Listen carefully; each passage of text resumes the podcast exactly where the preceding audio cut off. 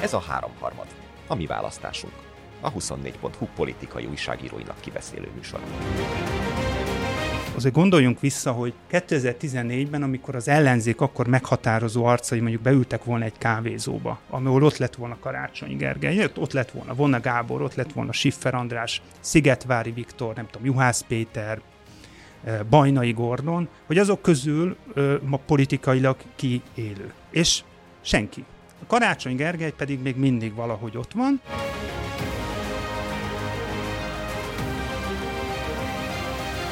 Nagy Gergely Miklós, Pető Péter és Bánszék Rebeka a mai három harmadban. Mielőtt azonban rátérünk a mai témánkra, kettő közérdekű közleménnyel készültünk nektek. Az egyik az, hogy innentől kezdve szeretnénk meghallgatni a ti témajavaslataitokat is, eddig is kíváncsiak voltunk rá, de most már olyan szinten kíváncsiak vagyunk rá, hogy erről fogunk beszélni innentől kezdve. Úgyhogy van egy e-mail címünk, ami mostantól élő, ez a háromharmadkukac24.hu. Természetesen ékezetek nélkül, de a félreértések elkerülése véget, ez az az e-mail cím, amire el tudjátok küldeni a kérdéseiteket, témajavaslataitokat, ötleteiteket, hogy miről beszéljünk, mi az, ami eddig kimaradt, vagy ha eddig érintettük, nem elég alaposan. Úgyhogy kérdezetek, javasoljatok, ötleteljetek, és írjatok nekünk e-mail bátran. A másik közérdekű közlemény pedig az lenne, hogy ennek az évadnak elérkeztünk az utolsó közönség előtt felvett élő háromharmad adásához, ami a budapesti három hollóban lesz. Ennek az időpontja május 24 szerda, ez egy fél hetes esti alkalom lesz. Aki már volt ilyen eseményen, az tudja, hogy ilyenkor személyesen is feltehetitek a kérdéseiteket, ötleteiteket a szereplőkkel, tehát meg tudjátok beszélni, akár azokat a témákat, amik azon az alkalmon beszédre kerültek, megbeszélésre kerültek, akár pedig olyan témákban, amik egyébként érdekelnek titeket. Érdemes időben jegyet váltani, mert ugye az első 40 jelentkezőnek kedvezményes jegyeket biztosítunk, ez 1990 forint lesz. A jegyeket egyébként a tixa.hu-n fogjátok tudni kiváltani.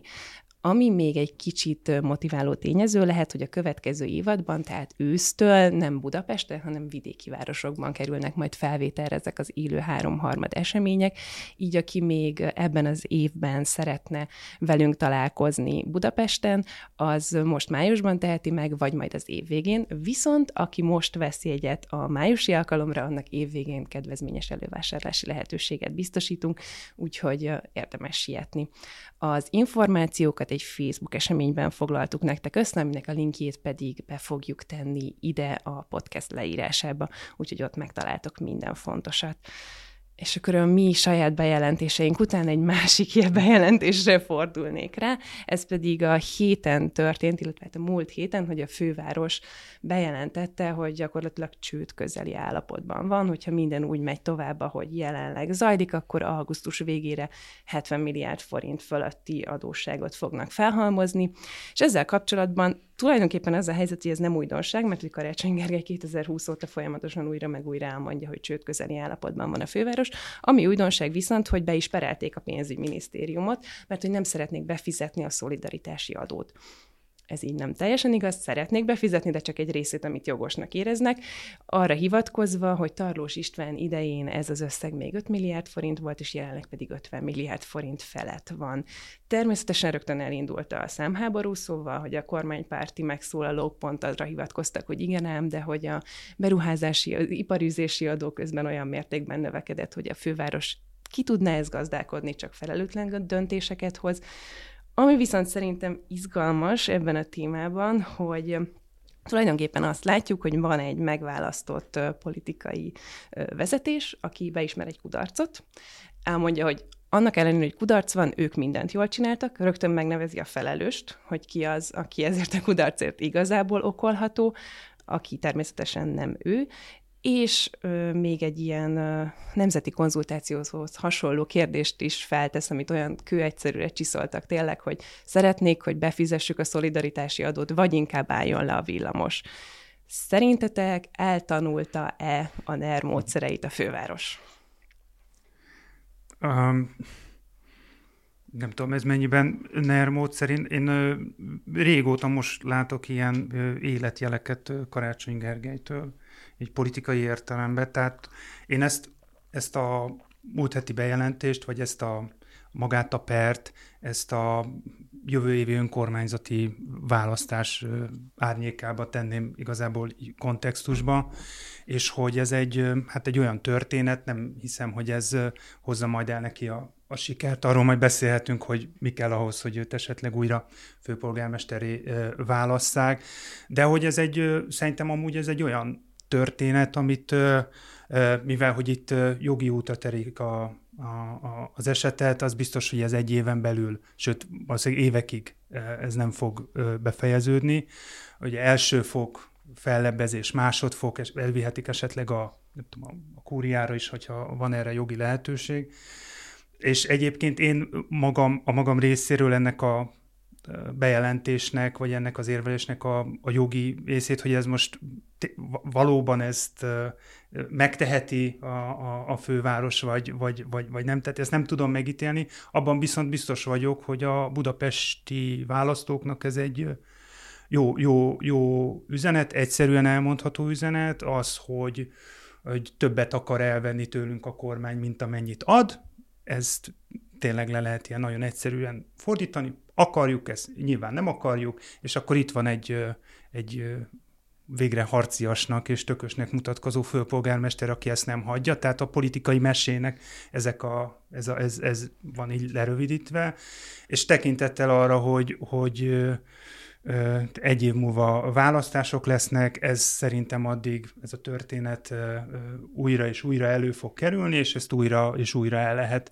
mondani. Tehát ebből a szempontból én ezt én elsősorban így látom, hogy ennek a jogilag ez mennyire igazolható, azt, azt nem tudom, hogy ezt mondjuk a bíróságon ki mivel fogja megtámogatni, és ki mivel fogja tá, támadni, de, de magát ezt a keretet politikailag én a, a karácsonynak hasznosnak gondolom.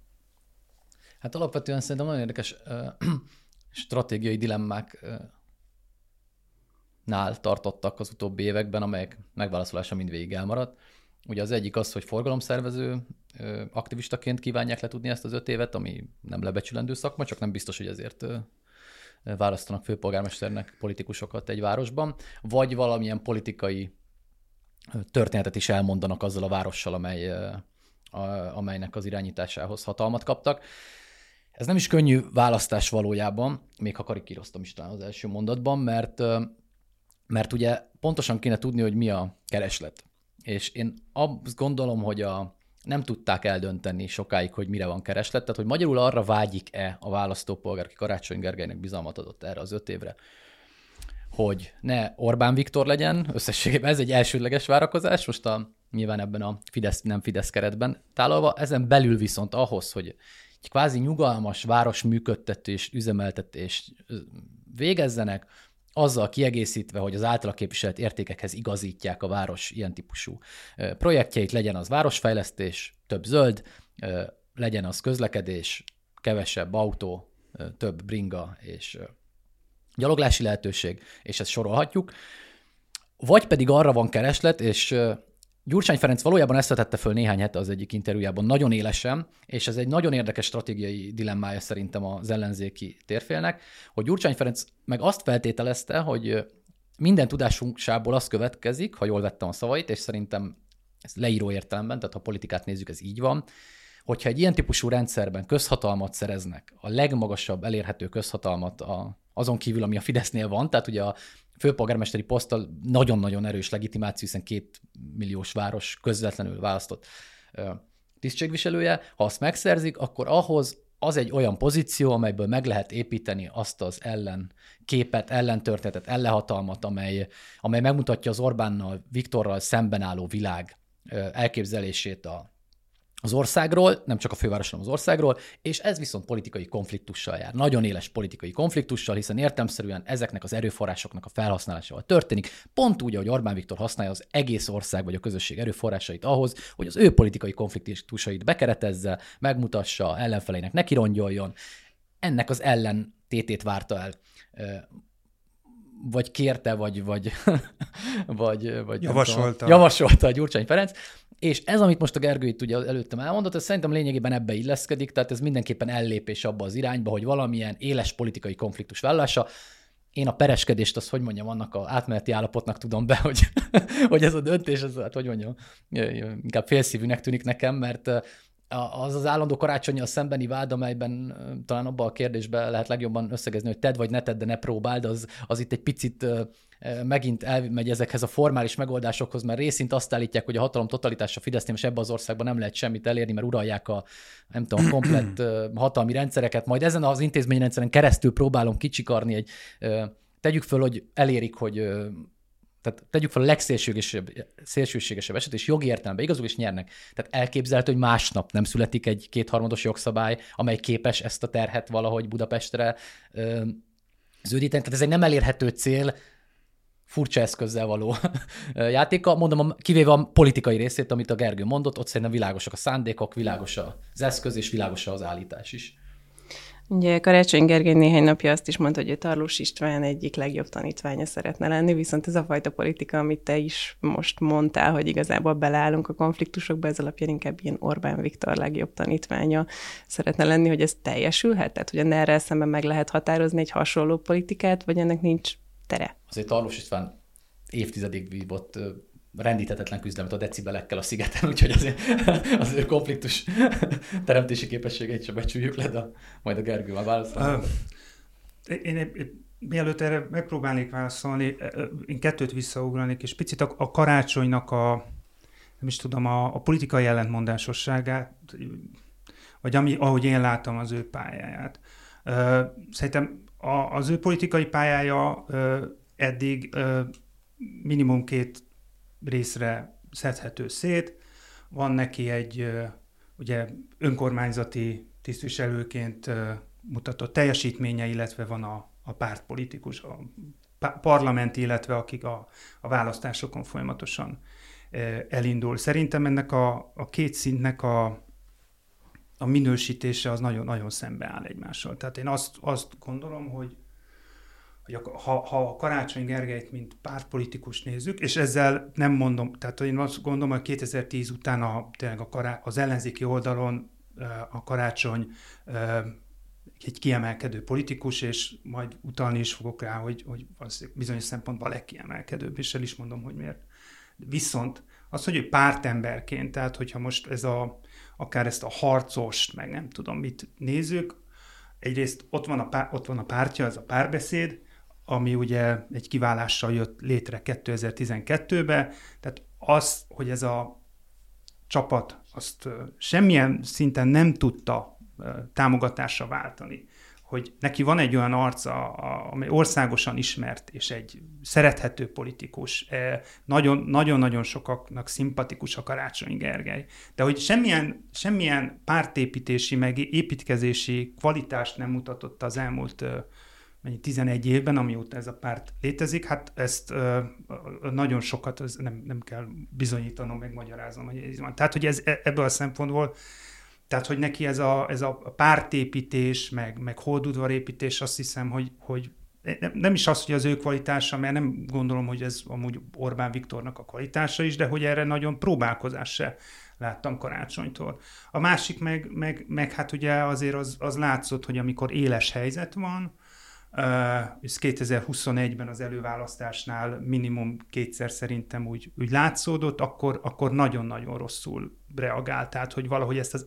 Amúgy, hogyha tényleg ott van az éles konfliktus helyzet, a, akkor, akkor valahogy lefagy, vagy, vagy a múltban legalábbis így volt, nem biztos, hogy amúgy a jövőben is így lesz, de hát azért gondoljatok arra, amikor ott volt az a néhány nap a, az előválasztás első és második fordulója között, amikor ugye elvileg Karácsony az előzetes várakozásoknak hoz képest azért rosszabbul szerepelt az első fordulóban, de azért mégiscsak ő volt a második helyezett, és ehhez képest a Hódmezővásár polgármestere négy-öt nap alatt lényegében megette Budapest főpolgármesterét ilyen ebbe a politikai csikicsuki, bejelentés, nem tudom milyen részben, ami a politikának a része. Tehát, hogyha ha valaki amúgy nagy, nagy szintekre vágyik, akkor ezt valamilyen szinten kell üznie.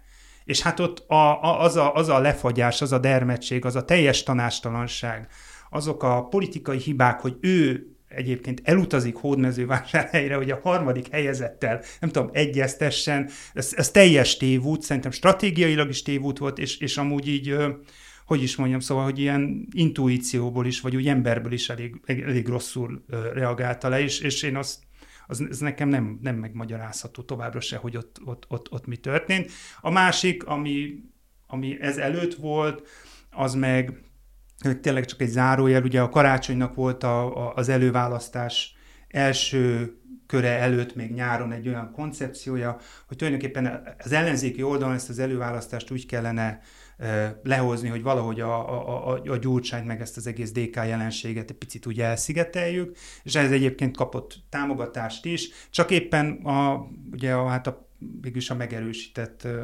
szóbeszédek miatt ugye ott az MSZP összeveszett a jobbikat, tehát ott egy, egy olyan, olyan politikai konfliktust valahogy nem tudott ő, ő, ő menedzselni, meg nem tudott valahogy kihozni, hogy ezt a, ezt a célját megvalósítsa. Tehát, hogy én, hogy azért így a párt, párt részénben én azt, azt mondom, hogyha ezt a kettőt, a pártépítést, meg az éles konfliktust helyzet nézem, ott, ott azért ő elég rosszakat mutatott. Ám de, és igazából szerintem az egész karácsony történetnek ez az ám de egy, a, a kulcsa. Ugye Karácsony Gergely 2014-ben exitelt ugye a parlamenti vagy az országos politikából, nyilván úgy ment el, hogy nem ment el, de akkor lett ugye polgármester Zuglóba. És pont azért gondoljunk vissza, hogy 2014-ben, amikor az ellenzék akkor meghatározó arcai mondjuk beültek volna egy kávézóba, ahol ott lett volna Karácsony Gergely, ott lett volna Vonna Gábor, ott lett volna Siffer András, Szigetvári Viktor, nem tudom, Juhász Péter, Bajnai Gordon, hogy azok közül ma politikailag ki élő. És senki. A Karácsony Gergely pedig még mindig valahogy ott van. Szóval van, van neki valami, és, és szerintem azt nagyon jól ismerte föl, mondjuk nem tudom, hogy, hogy, hogy, a jövőbelátás képessége, vagy csak a szerencse volt ebben neki segítségre, hogy, hogy igen, a parlamenti meg az országos politizálásban nem nagyon lehet ellenzékiként hosszú távon sikereket elérni, és az önkormányzati szféra az, ahol és egyébként lehet, hogy, hogy neki ott alkatilag is van egy ilyen. Tehát, hogy lehet, hogy az ő politikai alkata, ez a dílelgetés, ez a kicsit ilyen csendesebb stílus, alkudozás, ez, ez az önkormányzati politikában jobb is, de hogy minden esetre az a döntése, hogy ő az önkormányzati politikába találja meg a saját politikai túlélését, ez, ez, ez nagyon bejött, és a mai napig még ezért tudunk róla beszélni. Szerintem, hogyha ő nem, nem megy el polgármesternek, akkor, akkor ma, ma közel sincsen ö, ekkora, ekkora súlya. Tehát, hogy hogy én azt, az, az, hogy válaszoljak is, amit kérdeztél. Már, már is. Már is. Rövid bevezető után. Hogy, hogy én ezt a nagyon erő, éles, tehát hogy, hogy igen, ilyen bejelentés, meg per, tehát nyilván meg lehet tanulni ennek a konfliktusos politikának ezt a fajta ilyen látszat, vagy hogy úgy, úgy csinálunk, mintha jellegét, de azért azért, hogy pont ugye a, azért a, a, egy jó konfliktushoz, vagy hogy jó bele tudja menni a konfliktushoz, az is kell, hogy ez erő is legyen mögötted. Azért, hogy is mondjam, ha megnézem azt a önkormányzatot, hogy ott milyen összetétel van, meg hogy milyen erők vannak a, a karácsony mögött, abban azért nem vagyok biztos, bár az kétségtelen, hogy, hogy a, azért a választók szerintem a budapesti választók, ma lennének a, választások, akkor Karácsony Gergelyt választanának meg újra. Én pont a, legutol, a legutolsó tételen nem értek egyet egyébként, mert a, pont, hogy egy valamiben egységesek szerintem. Tehát a Baranyi Krisztinától a DK-n keresztül a, a nem tudom, a Momentum sok közül, ugye nem tudom, a Soproni Tamáson, hogy egy valamiben biztos vagyok, hogy ők abban egységesek, hogy az Orbán rendszerrel szembeni álláspontjuk, sőt valószínűleg még karakteresebben is, mint a, mint a karácsonyvezetés, tehát ebben, nem, ebben látok kevesebb kockázatot. Az első fel egyébként nagyon érdekes, mert egyébként ritkán beszélgetünk ilyen politikusi karakterekről, pedig valóban alapjaiban képesek meghatározni Magyarországon akár pártrendszer történetet is bizonyos értelemben, hiszen nem véletlen, hogy mely pártok esnek szét, nem véletlen, hogy milyen módon. És a karácsonyi karrier valójában arról szól, és nyilván, hogy nem minden politikusnak van meg minden képességet. Ez egy nagyon fontos dolog szerintem, hogy nincs olyan, hogy minden a politikához szükséges és vagy előnyt biztosító képesség birtokában legyen valaki. A Gergő nagyon pontosan írta le, a Karácsony Gergely komplet karrierjének a tanulsága a túlélő képesség. együtt megszerzett, illetve megtartott szavazhatóság. A szavazhatóság az azért fontos, mert abban a világban, ahonnan ő szavazatai érkeznek, nagyon kevesen tartják szavazhatatlannak. Ez nagyon, ez sokkal kevésbé igaz sok vetétársára. Tehát valójában pont az a, lehet, hogy épp az a konfliktus teremtő képesség, vagy az a, az a karakter, ami egyébként sikeresebbé tenni a túloldalon, lehet, hogy ezen az oldalon elvenne a ö, lehetőségei közül, hiszen lehet, hogy pont az a erősebb konfliktusvállalási ö, szándék, meg az a, egy olyan típusú karakter épp, hogy szavazhatatlanabbá tenné bizonyos körökben. Ugye ő pont ezért ér, őrzi a szavazhatóságát nagyon sok párt, köré, nagyon sok párt szavazói körében, mert nincs benne kizáró tényező igazából. Itt tisztességes, azért alkatilag rá nagyon nehéz utálni, tehát nem, nem, nem az a típusú politikus, aki, aki annyira megosztó, hogy, hogy olyan erős érzelmi, tehát ez a Gyurcsány Orbán logikát azért ilyen szemben könnyebb belőni, meg nyilván itt tudnánk még politikusokat idézni mindkét oldalról, akiknél ez könnyebben értelmezhető egy bináris kód alapján, hogy, hogy igen, nem. És a túlélőképessége pedig azért fontos, mert az egy, és én azt gondolom, hogy a Fidesz ezért is részben ezért is pont a képesség miatt tartott tőle leginkább a választás között, hogy ő lesz a jelölt. Egy a szavazhatósága még egyszer, a másik a túlélő képessége. Tehát, hogy, hogy valahogy annyit látunk, bármi szűnik meg körülötte, ő talpon van. Így vagy úgy, már azok ellen, vagy azokkal szemben, vagy azok nélkül, akikkel valaha kezdett valamit, bárhol is vannak, most a Gergő adott egy arcképcsarnokot, hogy közben kik, kik estek onnan ki, és még sorolhatnánk a neveket. Ha, ha csak belegondolok, hogy hány párt vagy formáció környékéről lépett időben, vagy, vagy, vagy tartozott ahhoz az oldalhoz, ami tovább tudott menni, akkor, akkor azt látjuk, hogy azért e- neki valószínűleg ez az elsődleges politikai ö, tudása, ami nem biztos, hogy szélesen tudás. És egyébként nagyon érdekes a Márkizai történet, amiről én akkor írtam, és most nem ismétlem el nyilván magamat, meg a Gergő is mondta, hogy ilyen nincs, tehát valakit négy nap alatt így szednek szét, nagyon, hát hogy mondjam, önhibájából, hiszen nincs olyan, hogy a második helyzet elmegy a harmadikhoz, nincs olyan, hogy kiáll vele közös sajtót. Tehát ezek olyan politikai egyszer egyeknek a, a felszámolása, az jelent valamit. Na de, utána azon kezdtem gondolkozni egyébként, jut, hogy mondom, én elég világos álláspontom van ebből, hogy ebből milyen teljesítmény nyújtott, rettenetes, és valójában arra a posztra, amire ő akkor versenyzett a miniszterelnök jelöltségre, valójában az, annak, az alkalma, annak az alkalmasságához nem illeszkedő viselkedés mintákat láttunk. Na de valójában az az ösztön nem oda vezette egyébként, ami szintén a túlélő képességet jelenti, hiszen valójában kimaradt végül, ami történt. Ugye akkor nem szenvedett vereséget Dobrev Klárától, akkor az lehetett volna egy nyitott meccs, tehát nem tudjuk, hogy vereséget szenvedett volna azon az előválasztáson, vagy nyert volna.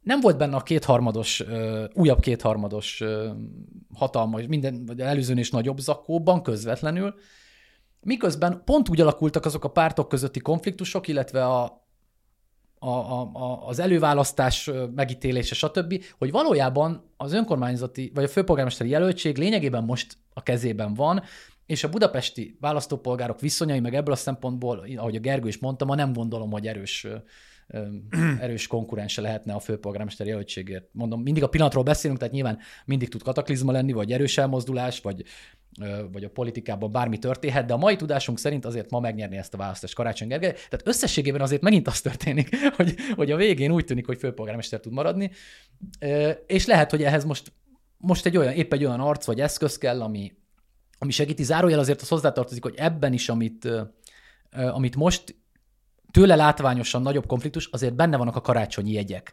Egyrészt ez a formális jogi út, ami mindig egy ilyen kiegészítő. Benne van a, most pont mielőtt a, bejöttünk a stúdióba, akkor láttam, hogy lakógyűlést hirdetnek, ország, vagy egész városos lakógyűlést, hogy a hogy, hogy kíváncsiak a budapestiek véleményen, és ennek fényében döntenek majd arról, hogy hogyan további lépések. Tehát magyarul őrzik közben azt a, azt a részvétel is, ezek a polit, tehát hogy a konkrét cselekvények hátul mit jelentenek, az a viszony a jogállamhoz, amelyet azért mindig fontosnak tartnak, tehát meg kell próbálni jogi utat, az a részvételiség, amiről egyébként sokat beszélnek, tehát legyen meg a lehetőség hozzászólás. Tehát valójában a politikai karakterének ezeket az alap dilem, vagy alapvetéseit azért őrzi, csak most épp egy másik eszközt, eszközt kerestek hozzá. De mondom, hogy nagyon érdekes egyébként a, tényleg a karaktere, hogy, hogy ha végignézzük ebbe a 10-12 évbe, azt nem tudom, hogy vezethet-e tovább. Tehát valójában én azt gondolom, hogy a főpolgármesterségen túl mindazok, akik lehetséges támogató és lehetséges ellenfelei lehetnének a jövőben, megismerték ezt a karaktert. És tisztában vannak fel, hogy mivel jár, ha, ha, ha, ha oda, oda sodródnak. Szerintem pontosan ez, ez a főpolgármesterség viszont illeszkedik valószínűleg ezekhez a képességekhez, és amik szerintem a politikában fontosak, meg láthatóan a szövetséges is úgy tűnik, mintha tudomásul vették volna, hogy ezen a poszton viszont nem nagyon tudnak konkurálni vele.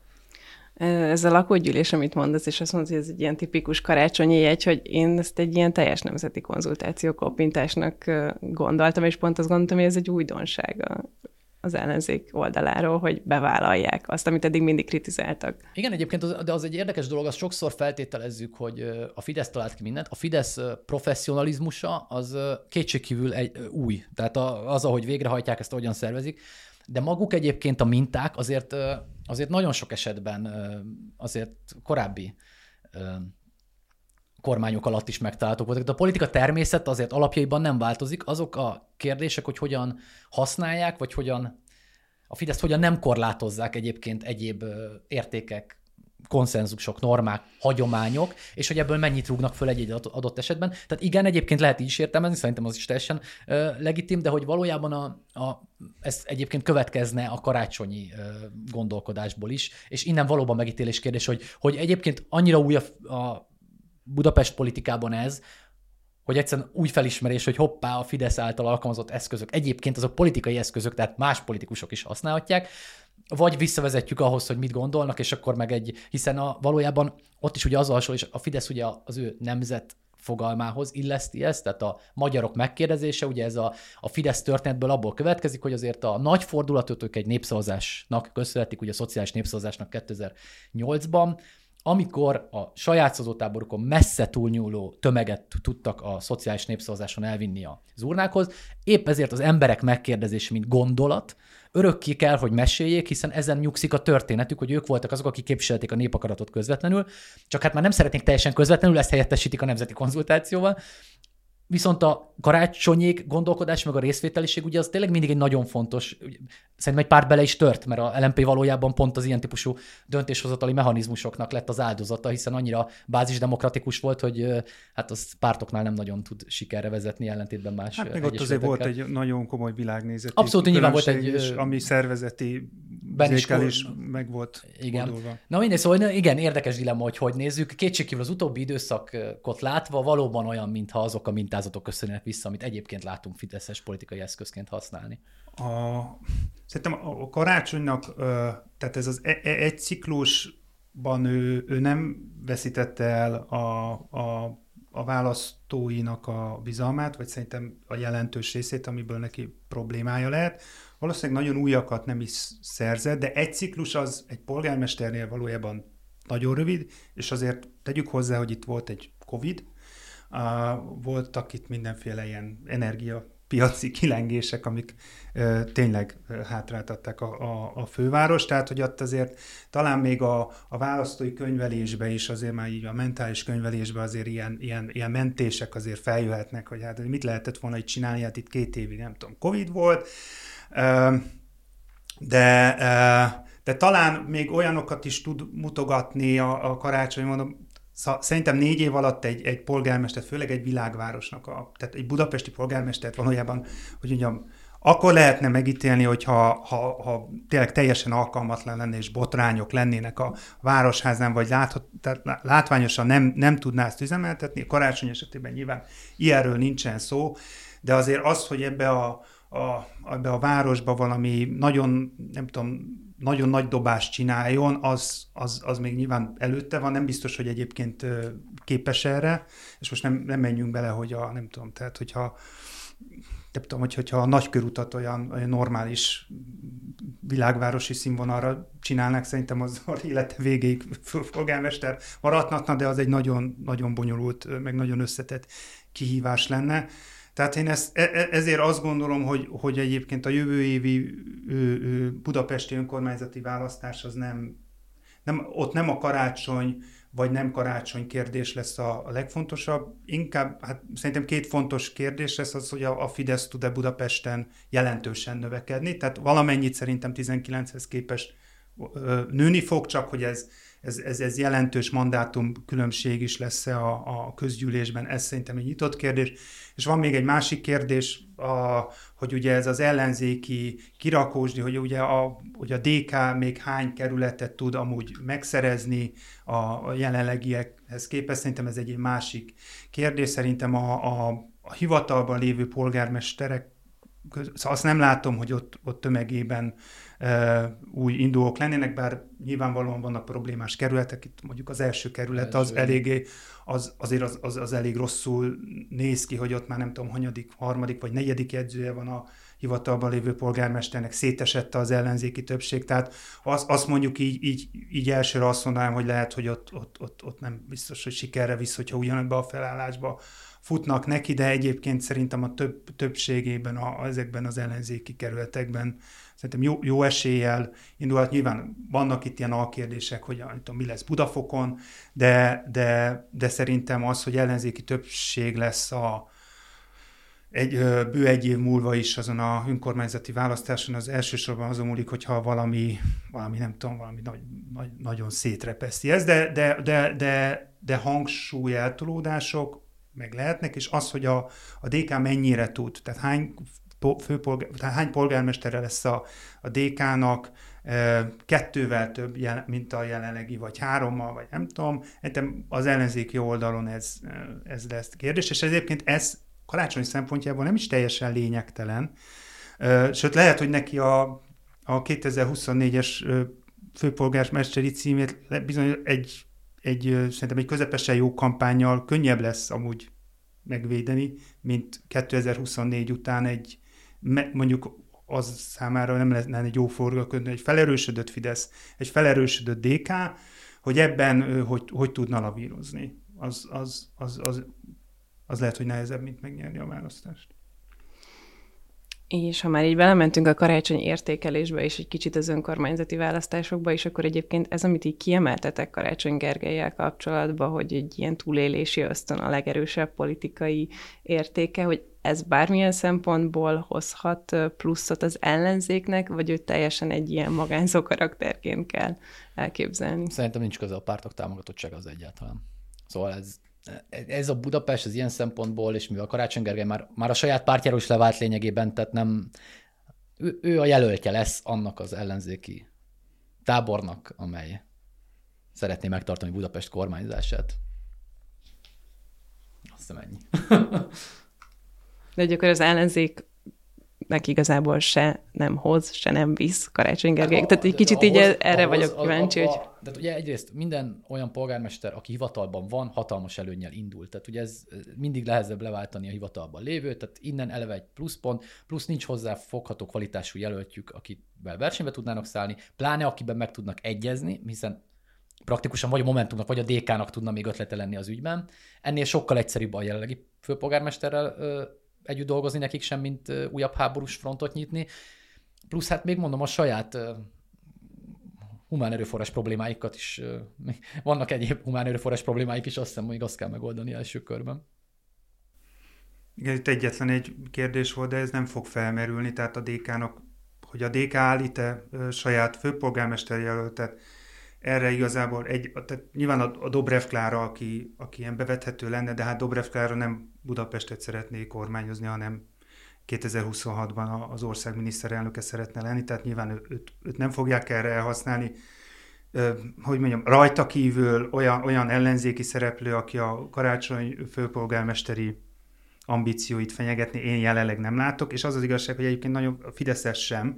Tehát, hogy a Fide- Fideszes, egyébként az egy érdekes kérdés lesz, hogy a Fidesz kit fog állítani, tehát az, tehát, hogy, hogy ők, ők Budapestet mennyire tartják majd nyerhetőnek, vagy, vagy, vagy inkább egy, egy tisztes verességben gondolkodnak.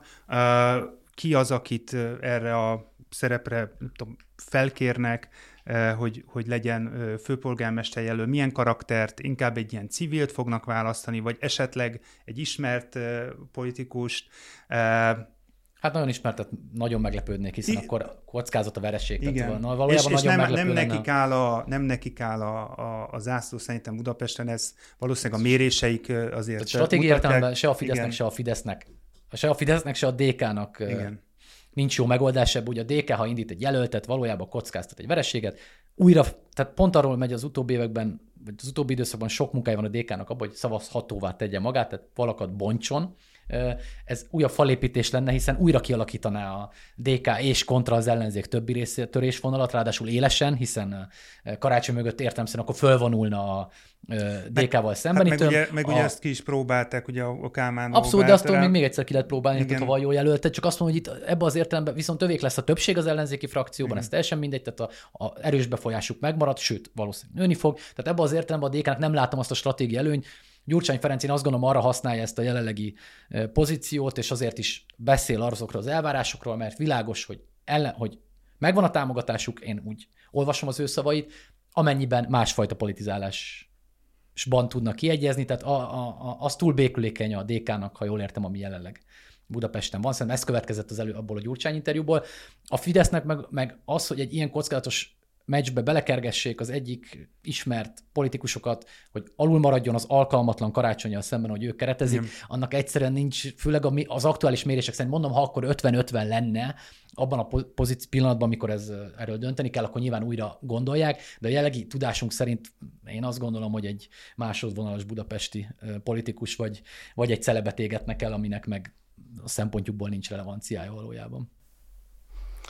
A tegnapi kormányinfon nem csak Karácsony Gergelyékről volt szó, hanem arról is, hogy június 30-ig uh, meghosszabbították az ástoppot, ez már egy sokadik hosszabbítás, hogyha jól emlékszem, és ami még ilyen plusz információként kiderült, hogy nem csak az ástoppot hosszabbították meg, hanem július 1-től bevezetnek egy új rendszert, ami pedig kötelezővé tenni az akciókat. Egy nagyon furcsa rendszerben, hogy kinek jó ez. Hát, ezt egy tegnap lefuttattam a, a, fejembe ezt az akciózást, hogy ez hogy, hogy fog kinézni a, a gyakorlatban, elmegyünk bevásárolni, és tényleg ebben ebbe nem, tehát hogy komolyan, hogyha az én te, teljesen józan uh, ilyen, ilyen, ilyen paraszti meglátásaimban is valahogy az jön ki, hogy ebben én nem, nem, nem látom, hogy ez hogy lesz. Most gondoljátok el, van egy bolt, van három darab tejföl. Eddig megy. Igen. Van három darab tejföld. Ilyen sok tejföld fogyasztasz? Én elég sok tejföld. Én nagyon sok jókurtot és tejföld fogyasztom. De mi az, az ennyi tejföld? Hát rakott krumplihoz például, ja. de a tejföl az egy ilyen joker kaja, Péter, tehát az bárhova, bármire Úgy, rá lehet dobni. És nagyon hát magyar ráadásul. Nagyon magyar. Például a pesz, a, ha csinálsz pestos tésztát, azt gondolom szoktál. A, hozzákevered a teszt. Gasztro, gasztro rovatot ne nyissuk ki, mert problémáink lesznek. Hogy ö, ö, Ugye az egyik, egyik tejfölre azt mondják, hogy 10%-kal olcsóbbnak kell lenni. És mondjuk kitesznek oda, mit tudom, két tálca tejföld. És az mondjuk nyitástól 11-ig elfogy. Ugye? Hát az logikusan. Akkor a, a többi nem leakciózott tejföl, azt tudod te megvenni, hogyha később érsz oda. Tehát ugyanaz fog szerintem ezzel megtörténni, mint a, az árstoppos terméket, tehát az, az olcsóbb, az hamarabb fog elfogyni. De mi van akkor például, ha mondjuk van egy 300 forintos tejföl, van egy 400 forintos tejföl, meg egy 500 forintos tejföl. Tudományos tejfölizmus, tejfölizmus első magyarországi szakértő. Több, több tiszteletet a tejfölnek. Tényleg azt tudom neked mondani, több tiszteletet a tejfölnek. Hogy fogyaszt a tejföl. Te fogyasztasz tejföl? Abszolút fogyasztom. Na, na.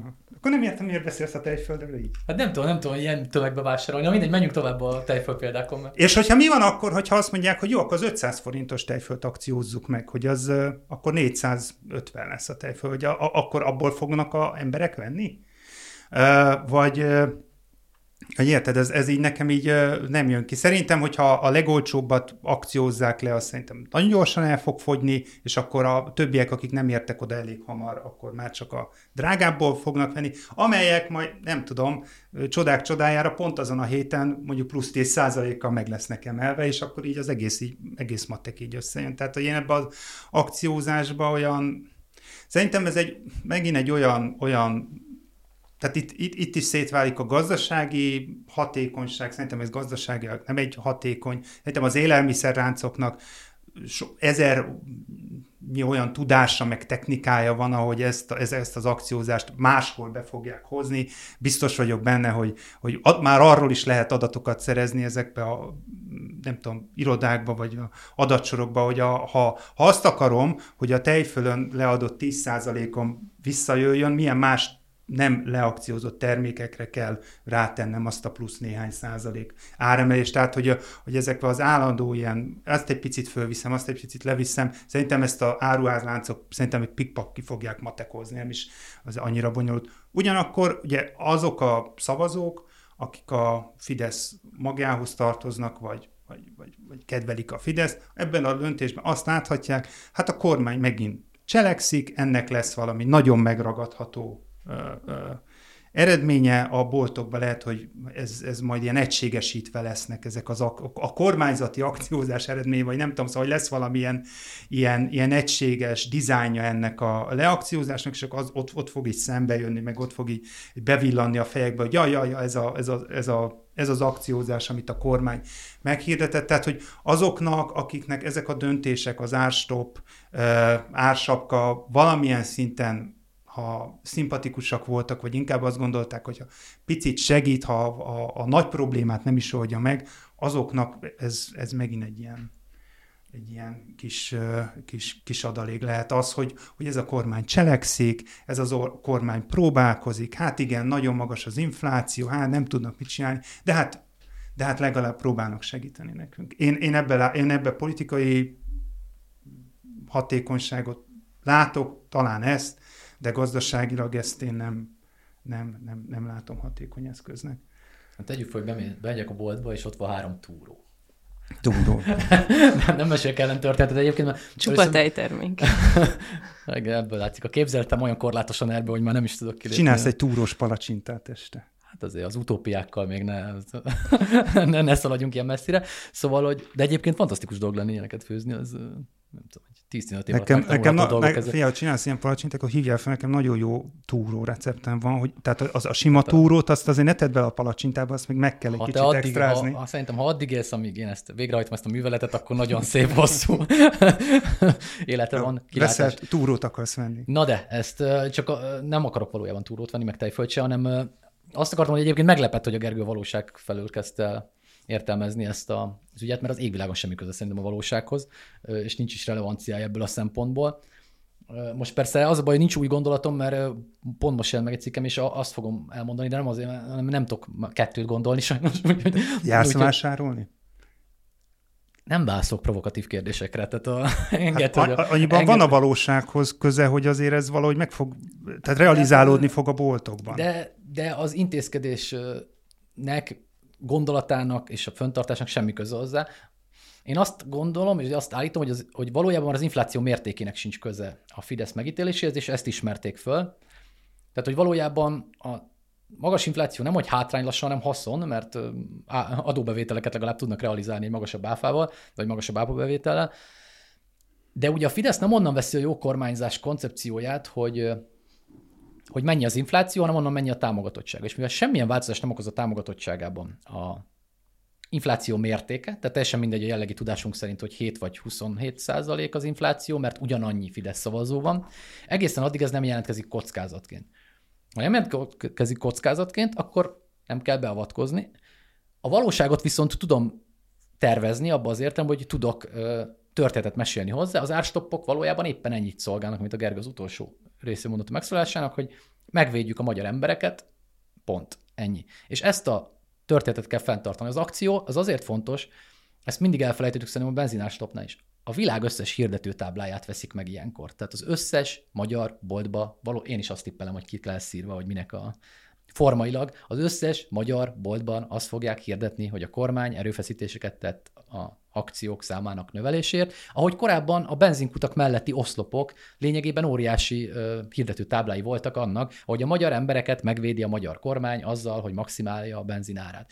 Tehát ezt csak és kizárólag ebből a dimenzióból érdemes szerintem vizsgálni. Egyébként a csirkafarhátra hajaz nagyon, ugye ott, vagy a, lényegében ugyanaz a logika, amikor a, ugye ott kiírták, hogy a, nem tudom, a hatósági árakat hogyan kellett rögzíteni. Tehát, hogy minden alkalommal ugye van hozzá egy olyan történet, amiben a választópolgár végül azzal találkozik, hogy vannak ugyan olyan szereplők a világon, Brüsszeltől, Soros Györgyön át, Gyurcsány Ferencen át, nem tudom, ki jöhet még szóba, akik mindent megtesznek azért, hogy a magyaroknak nehezebb legyen, a magyar kormány mindent azért tesz meg, hogy minél könnyebb legyen. És ekközben a valóság szerepe elhanyagolható egészen addig, amíg nem befolyásolja a támogatottságukat, és szerintem ez az inflációs helyzet nagy újdonsága, és számomra a legmeglepőbb újdonsága, hogy én egész erős meggyőződésem volt abban a konjunktúra időszakban, amely mellett a Fidesz rettenetesen magasan tartotta a támogatottságát hosszú ideig, hogy ennek egy korlátja biztosan van, és másfajta kormányzási koncepciót ö, igényel, ha gazdas, súlyos gazdasági nehézségek jönnek szembe. Miért? Mert szembe jön a valóság. Tehát tényleg bemegyek tejfölt venni,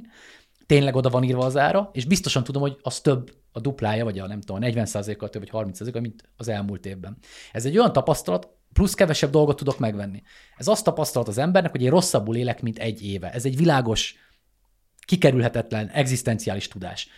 És hogy mikor ez a tudás megvan, a Fidesznek még ekkor sem kell megváltoztatni a valóságot, tehát magyarul nem kell minden erőfeszítését az infláció letörésére ö, fordítania, mert láthatóan ezzel együtt képes menedzselni a támogatottságát, és azt még meg ennek tudom be valójában, hogy ezek a mesék, meg történetek olyan erősek, olyan erősen megépültek, hogy, hogy ez tesz a kormány, és rajta kívülálló tényezők hatnak, hogy, hogy, hogy már láthatóan lényegében nincs rá szorul, vagy változtasson ezen a politikán. Szóval ez egy nagyon érdekes része szerintem, és mondom, ez a, ezt a hirdetőtábla a jelenséget sem érdemes leírni, hogy, hogy annyi helyen van, mikor nem kormányzati szereplőknek kell kiírniuk azt, hogy a kormány ö, ö, milyen ö, jó téteményeket végez a lakosságnak, az, az szerintem egy nagyon-nagyon fontos kommunikációs technika, amit csinálnak ebben az ügyben. És hogy ez mennyire, alól, mennyire abszurd, meg mennyire elválik tényleg a, a valóság, meg a, a fideszes kommunikáció.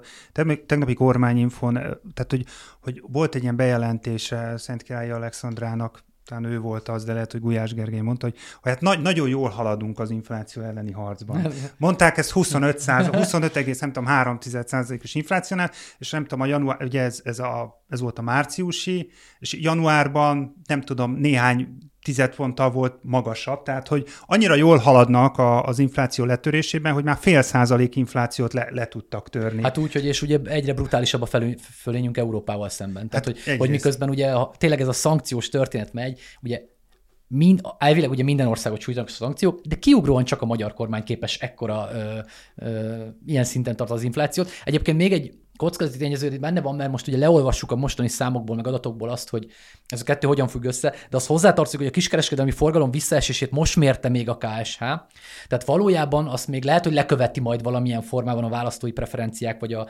gazdasági várakozások változása a pártpreferenciákban még megjelenhet, csak későn. Tehát egyszerűen annyira erős volt a történet, hogy sokkal később realizálódott mm. a, az emberekben, hogy, hogy mi történik, hiszen a, az árak elugrásához képest nagyon lassan lassult le a kiskereskedelmi forgalom visszaesése. Most, hogy van egy 10%-os visszaesés, az már azt jelenti, hogy az emberek most már megfékeztek.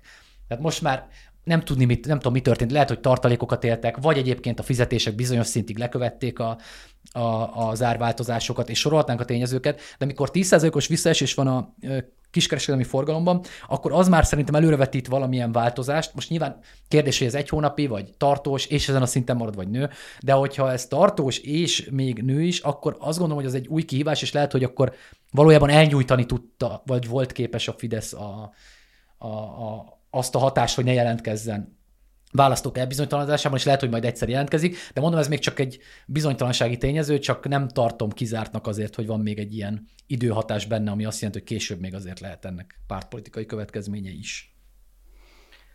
Azért más országokban általában a valóságnak van köze valamennyire a politikához, és én értem, hogy ez egy nagyon jól elmesélt történet, de hogy nem lehetne vele szemben megfogalmazni egy ellentörténetet is, szóval, hogy... Hát biztosan ö, lehetne, tehát, hogy, hogy igen, ez szerintem két különböző kérdés, tehát, hogy, hogy az egyik, amit igen, hogy itt hol van a, az ellentörténet, és hogy, hogy ez miért nincsen, vagy miért nem plastikus, vagy ez, ez az egyik kérdés. A másik meg az, hogy ez a, ez a, ez a Fidesz hatás, vagy ez a Fidesz Fidesz propaganda, vagy ez a, hogy, a, a, hogy az ő általuk képzelt valóságot hogy tudják szavazók millióival elhitetni mindenféle nagyon szövevényes és nagyon összetett manipulációs technikákkal, amit szerintem csak félig meddig jó leíró jelleggel nevezünk propagandának, mert itt nyilvánvalóan más is van, tehát itt van valami olyan, tényleg valami olyan mese, vagy valami olyan álvalóság megépítés, ami, ami, ami brutálisan erős, és ebben biztos van, professzionalizmus, és, és másrészt meg ott van a, az ellen, ellentartás hiánya is. Hogy, hogy, hogy nem jelenik meg, most azt kérdezett, hogy miért nem jelenik meg mondjuk akár egy olyan ellenzéki kampány, vagy egy olyan, olyan ellenzéki mondás, vagy egy olyan ellenzéki mém, ami állandóan szembe jön veled, és azt mondja, hogy, hogy a valóság ezzel szemben az, vagy az, hogy nem tudom, ezt, ezt én csak az ellenzéki pártoknak a, a nem tudom, kvalitás hiányára tudom írni. Tehát, hogy, hogy és amikor arról beszélünk, hogy a, a, az ellenzéki pártok, ugye amelyek egymással versenyeznek, és egyébként ezekbe a egymás elleni nem tudom, szervezkedésben annyi energiát elölnek, hogy azért azt valahogy nem sikerült felismerniük, hogy, hogy, hogy a, a, a Fidesz kormány mitoszának, vagy a Fidesz kormány önbizalmának a, a, vagy a hitelességének a rombolására is legalább kellene közösen ennyi energiát és pénzt, tudást, ne Isten, még kreativitást is szállni, én azt, azt, azt nem, nem, nem, nem teljesen értem. Hát ugye az, a, egy a történetkérdés, szerintem az egy nagyon nehéz kérdés. Valójában szerintem soha nem volt olyan nehéz, mint most. Tehát, hogy a, a méghozzá azért, mert a Fidesz kihasználta azokat az időszakokat. Tehát most a, például az Orbán inflációval most a héten próbálkozott az ellenzék, csak hát ugye megvárták, amíg a szankciós inflációnak többsége lesz a magyar társadalom. Hát Tehát, hogy ugye ezeknek hát az, a, az egyik a, azt mondja, hogy Orbán infláció, ezt meg, megnéztem a parna, Orbán inflációt, majd a másik meg Orbán inflációt. Ezt igen, azért le kéne egyeztetni. Egyrészt, másrészt meg ugye ez, ez másnap. Tehát ezeket a meccseket akkor lehet megnyerni, ha te vagy az első általában. Tehát a háború békénél is a Orbánék előbb kapcsoltak, hogy ott a békénél képesek keresni valamit. A, a, itt is, ha megvárom, míg a szankciós inflációnak többsége lesz a társadalomban, mint magyarázatnak arra, ami velünk történik, akkor annól százezerszer nehezebb valójában, pláne ha ilyen erős forrás hátrányban van valaki, mint a magyar ellenzék a, a fidesz szemben. Tehát, hogy, hogy eleve az De a... te se láttál még Orbán inflációs óriás plakátot? Nem, de lehet, hogy nincs is pénz. Egyébként az eszközökről lehet, hogy érdemes beszélni, az egy ha, nagyon érdekes. Ha Donát Annának a nem tudom, körvonalait fel lehetett plakátolni, akkor az Orbán inflációt is Igen, most, hogy a 3 kukac 24.hu-ra lehet majd témaötleteket küldeni, amelyek közül nézzünk majd, ugye az első Kerner Zsolt volt, és a, aki, akinek viszont egyről lekevertük az ötletét. Noha most egyre inkább biztos hogy jó volt, de először mindig jobb nemet mondani, ugye, és utána. Mert hogy valójában a, a, az eszközök, tehát hogy a bizonyos eszközöket a pártok miért használnak a politikai siker eléréséhez, az nagyon érdekes, és ott például nekem nagyon hiányzik a, vagy, vagy nem pontosan értem, hogy a, e, ezeket a nagyon egyszerű mémesített eszközöket, ami egyébként biztos értem a megafon is, hogyan nem használják. Igen. Tehát, hogy a, a, Igen ami, ami tényleg nagyon világosak, tehát hogy a Orbáni tej fölár, és akkor az, most, hogy visszatérek kedvenc élelmiszerethez, amely Köszönöm. azt hiszem az egész hétvére megüli majd a, az elmémet, de remélem, remélem azért. Egyel tejfölt. Hát azért, hétvégén más tevékenységgel tervezem a tejfölevés helyett. Szóval, hogy a, a, ha ezeknek a mémeknek a, a nagyon nagyon dinamikus és nagyon intenzív használata, az biztos, hogy egy hiányzó eszköz, e, és ehelyett van a, mondom, ezt a múltkor influencerkedésnek hívtam, és tehát biztos, hogy a monotónia tűrés teljes hiánya, meg mindenkinek van egyébként, hát az van, hogy kettőfajta politika van. A hard, ami a szavazatszerzésre megy. Ennek a, a, politi- a Fidesz ezt csinálja, szavazót akar szerezni. Ezen kívül van egy soft része, amikor befolyást, értékeket közvetítek. Kvázi nézőt meg olvasót keresek, hiszen akkor csak mesélek, mesélek, de nem a szavazatról szól. Az összes ellenzéki politikus a médiumok versenyébe szeret beszállni, tehát podcastot indít, YouTube csatornát, szerepel, lájkokat gyűjt. Hát aki itt sikeres, az nem lesz teljesen, aki csak ebben sikeres és erre koncentrál, nem lesz sikeres a hard politikában, mert ez két külön logika. Tehát ez körülbelül olyan abszurd, mintha médiumok szavazóban mérnék a sikerüket. De hát olvasóban, megnézőben, meg hallgatóban mérik, hiszen ez a sikerkritériumuk. A pártoknak a szavazó a sikerkritériuma, ám nem ott versenyeznek a szavazókért, hanem elmennek egy puha ö, térre, ahol a, most pont olvasom egy jó kifejezés, hogy ideológiai vállalkozók is vannak, hiszen a YouTube-on ebben a figyelemgazdaságban a cirkusz előadások, a Netflix, a nem tudom, és a megafonos ideológiai vállalkozók is versenyeznek egymással, és ide szállnak be az ellenzéki politikusok, amivel be, részt vesznek ebben, rabolnak figyelmet, csak ebből nem következik szavazó. De és nem azért nem elérni? következik szavazó, mert ez eleve kizárt, mert ha egyébként jól csinálnák, és a saját, nem tudom, ideológiája szerint például a Torockai elég jól csinálja, akkor ebből azért lehet politikai tőkét konvertálni. csak de önma, mi a, valóban, siker, mi a sikerkritériumod? Tehát ha a siker, tehát más, tehát hogyha a sikerkritériumod a szavazó, akkor nem lehet, hogy az összes a célod a nézettség legyen, mert akkor az eszköz. Hogyha a sikerkritériumod a néző, akkor, akkor, nem tud, a, akkor nem tud a szavazó lenni. Tehát, hogy érted, az van, hogy a, ha, Én ezt, ezt, nem, ezt most így nem... hát a sikerkritérium a szavazó, szavazót akar szerezni. Akkor az, a néző hozzá max eszköz, mert azt feltételezett, hogy a nézőből szavazó lehet. De én nem látom, hogy az ellenzéki pártok túlmennének a nézőn. Tehát, hogy ho, ho, ott utána mi történik. Megnézték. Oké, köszönöm. Meg hát nem elég erősek ezek a tartalmak, azért az is benne van.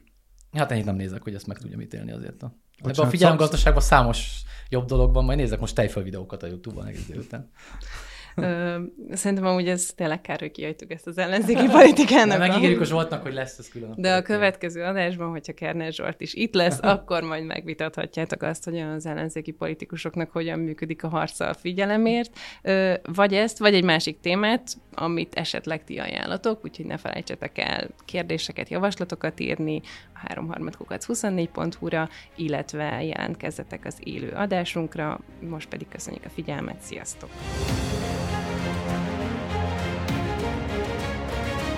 Ez a háromharmad, a mi választásunk. A 24.hu politikai újságíróinak kibeszélő műsora.